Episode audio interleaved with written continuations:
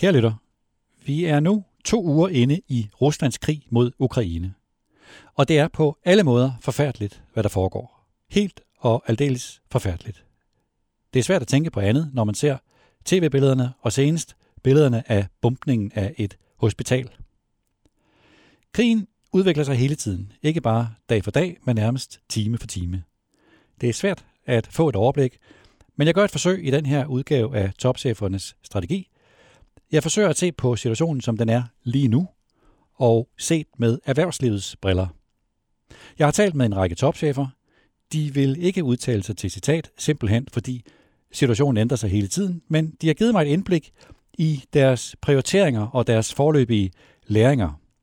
Så med det store forbehold, at begivenhederne udvikler sig meget hurtigt, så er her et bud på de fem vigtigste jagttagelser efter krigens første to uger. Min første jagttagelse er, at danske virksomheder med forretninger i Rusland og Ukraine oplever, at de er havnet i et kaos. Et rent kaos. Et kaos, hvor de stadig ikke er helt klar over, hvad det egentlig er, der har ramt dem. Og hvor de skal orientere sig igennem en række af dilemmaer, hvor det ene dilemma afløses af det næste dilemma. Ingen har prøvet noget, der ligner det her før. Jo, måske de erhvervsledere, der var med under Mohammed-krisen tilbage i 2006. Måske dem, der var med under finanskrisen i de mest dramatiske dage, dengang i efteråret 2008. Men det her, det er værre. Det er større, det er mere uforudsigeligt, og det er mere farligt.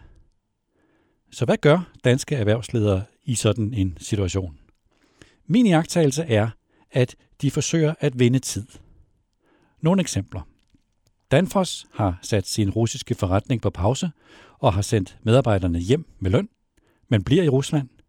AP Møller Mærsk vil stoppe transport til og fra Rusland, men Mærsk vil opfylde de kontrakter, der blev indgået før krisen, og forventer at sejle frem til sommer. Jysk har lukket sine butikker i Rusland og sendt sine ansatte hjem. Og Lego har stoppet sin transport af legetøj til Rusland, men bliver i Rusland. DSV ville i første omgang holde sine russiske aktiviteter kørende, men valgte i anden omgang at suspendere transporter til og fra Rusland. Arla Foods skriver i en pressemeddelelse, at man indstiller alle sine aktiviteter i Rusland, men det fremgår ikke, at mejeriet forlader Rusland. Så fælles for de virksomheder, som jeg har nævnt her, er, at virksomhederne stopper deres aktiviteter, men indtil videre kun midlertidigt. Og nogle virksomheder vælger at fortsætte driften, om end i et begrænset omfang. FL Schmidt vil stoppe med at indgå nye kontrakter i Rusland, men vil leve op til indgåede kontrakter, siger FL Smiths topchef Mikko Keto til Finans. Og Vestas skrev for en uge siden på LinkedIn, at man vil stoppe al ny kommersiel aktivitet i Rusland, men flere af Vestas nuværende aktiviteter fortsætter. Rockwool har fire fabrikker i Rusland, og de kører videre. Da børsen spurgte Rockwool ud om det, svarede kommunikationsdirektør Michael Sarin i et skriftligt svar, citat, Hvis vi stoppede vores produktion, så ville det ikke ramme de russiske ledere, men først og fremmest vores 1200 russiske kollegaer og deres familier. Vi laver stenul, der reducerer udledningen af drivhusgasser. Vores produkter bidrager ikke til krig, citat slut, Rockwool. Og så er der Carlsberg. Carlsberg har flere end 8.000 medarbejdere i Rusland, og ikke nok med det, Carlsberg har også store værdier, fabrikker, aktiver og en lang historie med mange sejre og lederlag i Rusland. Carlsberg er den danske virksomhed, der er under det hårdeste pres i Rusland i de her dage. Og forløbig så har Carlsberg besluttet at stanse alle investeringer i sine russiske aktiviteter.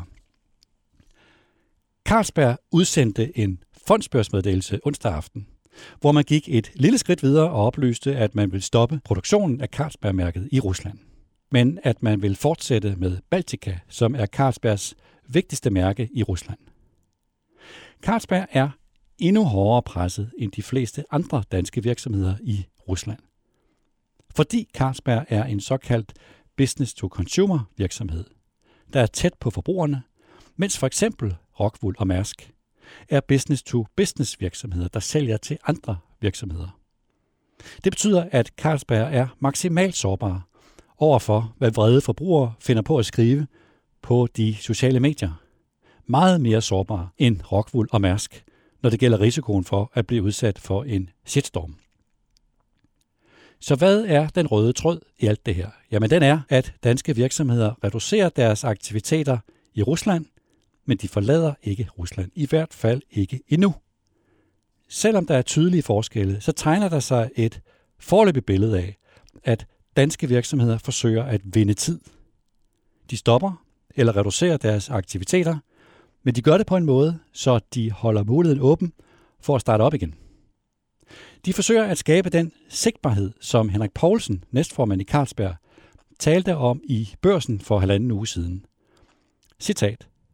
Det er vigtigt, at man navigerer i situationen, søger noget sigtbarhed, og til en start holder fokus på medarbejdernes sikkerhed, sagde Henrik Poulsen.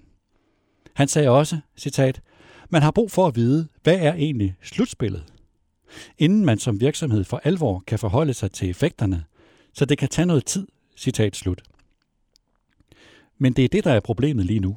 Der er ikke tid til at vente på, hvordan slutspillet ser ud, sådan som Henrik Poulsen taler om. Virksomhedernes ønske om at vinde tid præger også deres kommunikation. Enkelte, som for eksempel Vestas, fordømmer den russiske invasion. Vestas skrev blandt andet sådan på LinkedIn en uge inde i krigen. Citat. Vestas fordømmer på det kraftigste den russiske regerings invasion og de grusomheder, de russiske styrker begår i Ukraine. Vestas skrev også, at denne voldelige konflikt er utilgivelig og uholdbar. Citat slut. Det er en stærk udtalelse, den er modig, og den er også risikabel. De fleste danske virksomheder er meget mere forsigtige, når de udtaler sig om konflikten. De går på listefødder, sådan som for eksempel AP Møller Mærsk gør det. Når Mærsk kommunikerer på Twitter og i sine opdateringer på hjemmesiden mærsk.com, så taler Mærsk ikke om krig eller om invasion, men om krise. Det skyldes dels, at Mærsk ikke vil udsætte sine russiske medarbejdere for risici lokalt i Rusland, hvor man kan komme i fængsel, hvis man taler offentligt om krig. Dels, at forholdet til de russiske myndigheder er ekstremt følsomt i de her dage. Flere russiske politikere, senest Andrej Turchak, der er generalsekretær i partiet Forenet Rusland, har troet udenlandske virksomheder med nationalisering, altså at Rusland overtager vestlige virksomheder, der går længere end sanktionerne kræver. Og flere danske topchefer oplyser, at de opfatter truslen som reel. Det er en hårfin balance. På den ene side forventer den danske offentlighed, politikere og kommentatorer, at en virksomhed fordømmer Rusland og boykotter Rusland, og på den anden side, så risikerer man at blive forfulgt af de russiske myndigheder, måske endda at blive ramt af russiske sanktioner vendt imod Vesten. I værste fald en nationalisering og i yderste konsekvens at blive sat i fængsel. Så det er den første jagttagelse. Danske virksomheder har brugt de to første uger på at trække tiden ud, på at vende tid, på at få en lille smule sigtbarhed, mens de venter på, hvordan krisen udvikler sig. Og så har de fleste af dem, ikke dem alle sammen, men de fleste af dem, valgt at kommunikere meget forsigtigt. Men iagttagelse nummer to er mere følelsesmæssig. For så vidt er den også sværere at tale om, fordi vi alle sammen er stærkt påvirket i de her dage. Krigen kalder på stærke følelser, og vi ser hver dag forfærdelige billeder fra Ukraine. Helt ubegribelige, redselsfulde billeder, helt forfærdelige billeder, som er taget mindre end 1000 km fra os. Men selvom man er følelsesmæssigt påvirket og også chokeret og rasende over de krigsforbrydelser, som Rusland gør sig skyldig i, så er det vigtigt at forsøge at tænke nogenlunde klart. Fra både politikere og kommentatorer er der et krav i de her dage om, at virksomheder skal træffe hurtige beslutninger, når det gælder om at boykotte Rusland. Ørsteds meget omtalte kontrakt med russiske Gazprom er det mest illustrative eksempel. Det var en sag, der fyldte rigtig meget i krigens første uge. Ørsted forklarede, at det er ikke sådan lige at hæve kontrakten med Gazprom. Og Ørsted fik forklaret sig dårligt i første omgang, og fik en sønderlemmende kritik, da diskussionen brød ud. For eksempel skrev Berlingskes lederskribent Ole B. Christensen, at, citat, Ørsted og virksomhedens direktør, Mads Nipper, ser ynkelig ud, citat slut, og at, citat, Kontrakten må skrottes, citat slut. Det viste sig, at sagen med Gazprom var lidt mere kompliceret, end Ole P. Christensen var klar over til synlædende. Og kravene om, at Ørsted skal ophæve sin kontrakt med Gazprom, er mere eller mindre forstummet. Når jeg nævner det, så er det fordi Ole P. Christensen er ikke hvem som helst. Han er doktor Skent Pol i statskundskab og tidligere professor. Og faktisk så skrev jeg speciale hos Ole på statskundskab i Aarhus for mange år siden, så jeg har, det skal jeg slå fast, stor respekt for ham. Og alligevel faldt han i, og det er min påstand, jeg beklager Ole, alligevel lod han sine følelser løbe af med sig med kravet om, at Ørsteds kontrakt med Gazprom simpelthen skulle skrottes. Nu er Ørsteds dilemma i en kategori helt for sig selv. Men det er alligevel illustrativt for det tidspres, som mange virksomheder står i nu. De skal træffe beslutninger med meget voldsomme og meget langtrækkende konsekvenser, mens politikere og kommentatorer, der ikke har noget på spil, forlanger hurtig handling. Nogle kræver, at danske virksomheder simpelthen forlader Rusland her og nu. Men det er meget tunge og indbyrdes meget forskellige hensyn, der skal vejes op imod hinanden.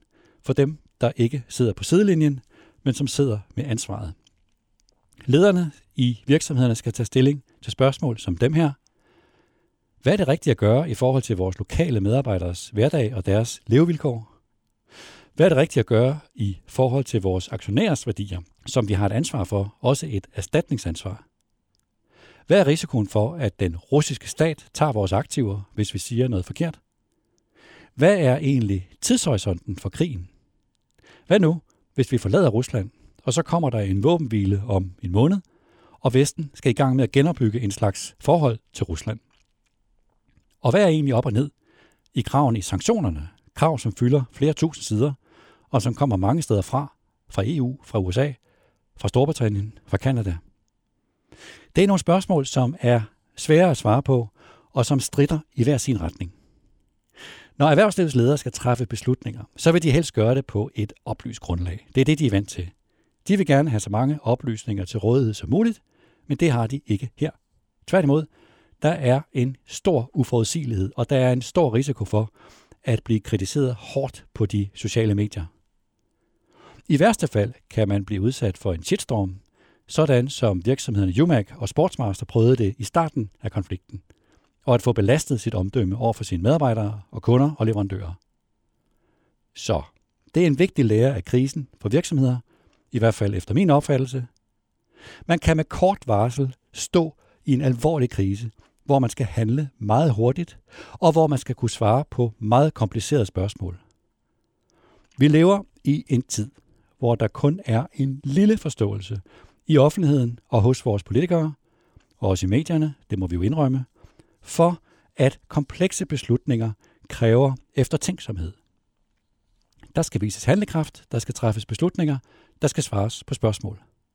Vi ser det også helt andre steder, for eksempel i den hjemlige FE-sag, hvor en sag, der tidligere ville være blevet løst, stille og roligt formentlig, blev håndteret hurtigt og dramatisk, og med nærmest uoverskuelige konsekvenser.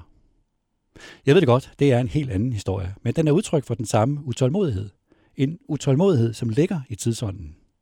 Så min iagtagelse nummer to er, at de følelser, som vi alle sammen har i de her dage, gør, at presset på beslutningstagerne bliver endnu større, end det ellers ville være, mange gange større.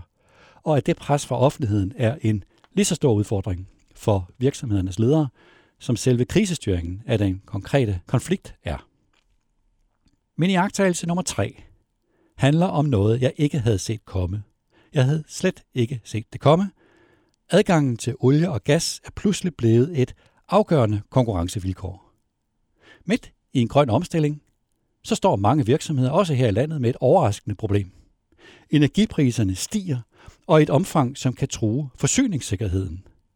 Det er næsten som om, at vi er slået tilbage til tiden i 70'erne og den første oliekrise, hvor jeg stadig kan huske, at vi havde bilfri søndage for at spare på energien.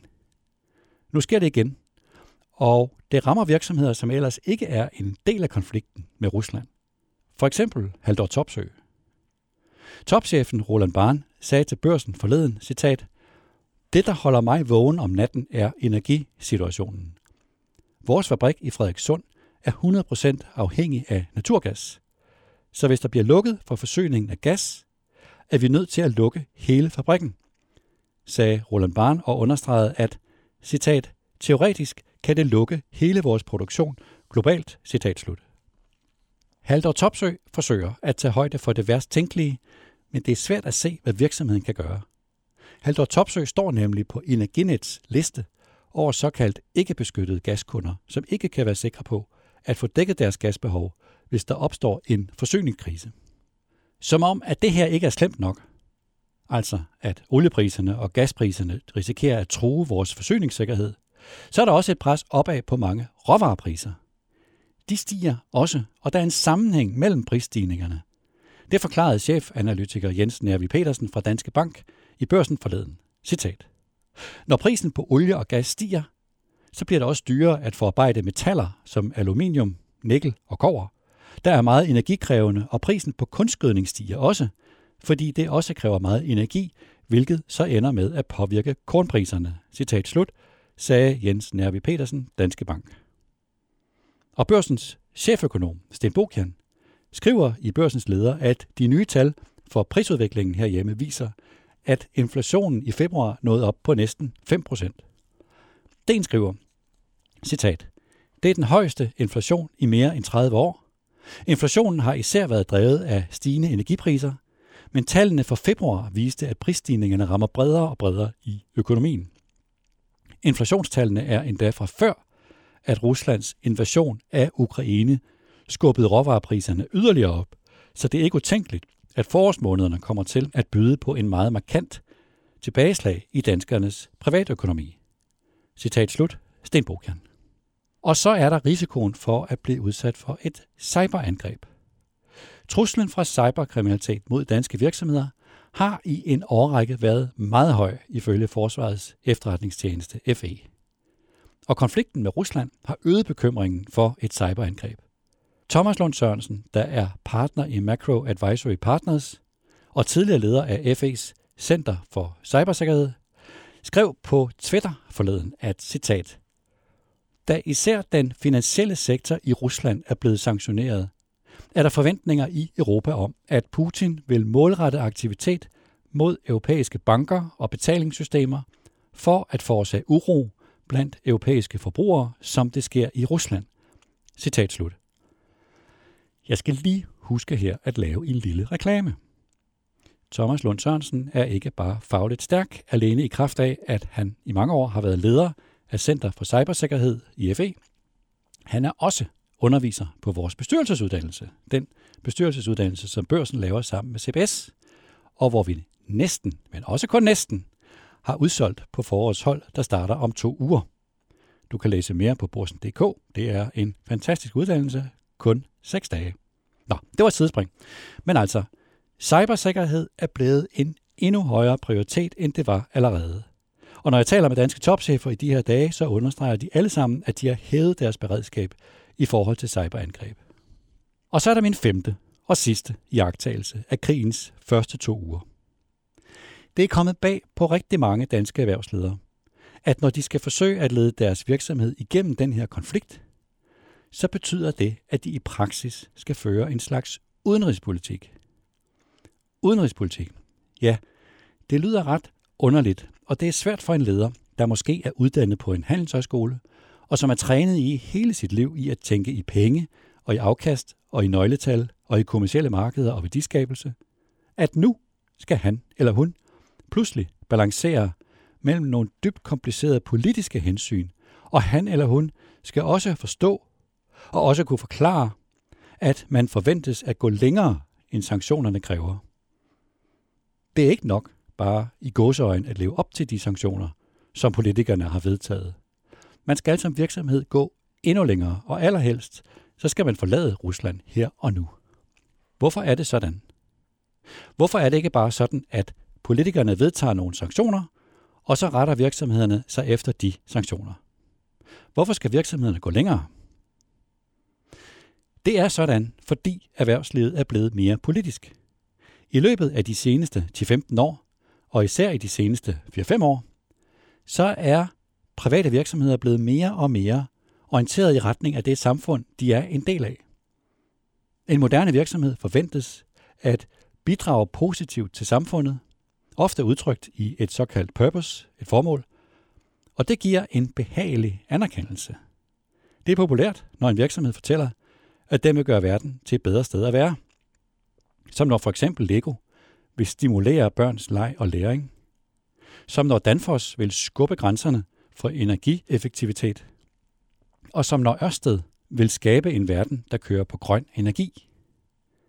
Men efterhånden, som virksomhederne er gået ned ad den vej, og kommer med flere og flere samfundspolitiske budskaber, så fanger bordet. Så er man forpligtet på at være politisk. Det er ikke længere muligt at hævde, at man bare vil passe sin forretning, og at man ikke har lyst til at blande sig i politik. Den tid er forbi. Konflikten i Ukraine gør det vilkår tydeligt. Og omverdenen forventer, at man ikke kun tager politisk stilling, når det er nemt, som for eksempel når virksomheder støtter Pride-kampagnen for homoseksuelles rettigheder og topcheferne trækker i regnbuefarvede trøjer, men også når det er svært, som det er nu, hvor det er rigtig, rigtig, rigtig svært. Vi er først ved at begynde at forstå rækkevidden af, hvad det vil sige, at erhvervslivet er blevet politisk, og hvor grænsen skal gå, og hvad vi kan forvente af vores erhvervsliv på den konto. Men der er ingen tvivl om, at Ruslands overfald på Ukraine viser, at vi er på vej ind i en fremtid, der vil stille nye krav til en ledelses kompetencer. Man skal kunne tænke politisk, endda også geopolitisk. Det var mine fem iagttagelser af krigens første to uger. Et forsøg på et hurtigt overblik over en krise, der udvikler sig dag for dag. Jeg kan ikke lade være med at slutte med at tænke på, at krisen har et ekstra perspektiv, som er endnu mere giftigt end de ting, som jeg har talt om her. Alle er optaget af krisen med Rusland i de her dage. Alle frygter det værste. Det er helt forfærdeligt. Og alle forsøger at håndtere krisen så godt, som det nu er muligt. Men hvad nu, hvis vi skal til at vende os til en verden, hvor vi løbende tvinges til at tage stilling til svære dilemmaer, også etiske dilemmaer, meget mere end vi har været vant til. Hvad nu, hvis der kommer en konflikt mellem USA og Kina om Taiwan? Det er jo det, der er den store trussel. Alene Taiwans produktion af semiconductors gør, at USA ikke vil kunne acceptere, at Kina tager kontrol med Taiwan. Så set med kommersielle briller, så er Rusland trods alt et relativt lille marked, men med Kina er det en anden sag. Jeg ved godt, at det forekommer nærmest uoverskueligt at se vestlige virksomheder i en reel sikkerhedspolitisk konflikt med Kina. Men allerede nu vil der være nogle vestlige virksomheder, der spørger sig selv. Når vi ser det, der sker med Rusland nu, hvad så med den investering, som vi er på vej med i Kina? Tør vi lave den investering, sådan som verden ser ud nu? Det var denne udgave af Topchefernes Strategi. Tak til videojournalist Peter Emil Witt, der redigerede podcasten, og tak til dig, der lyttede med.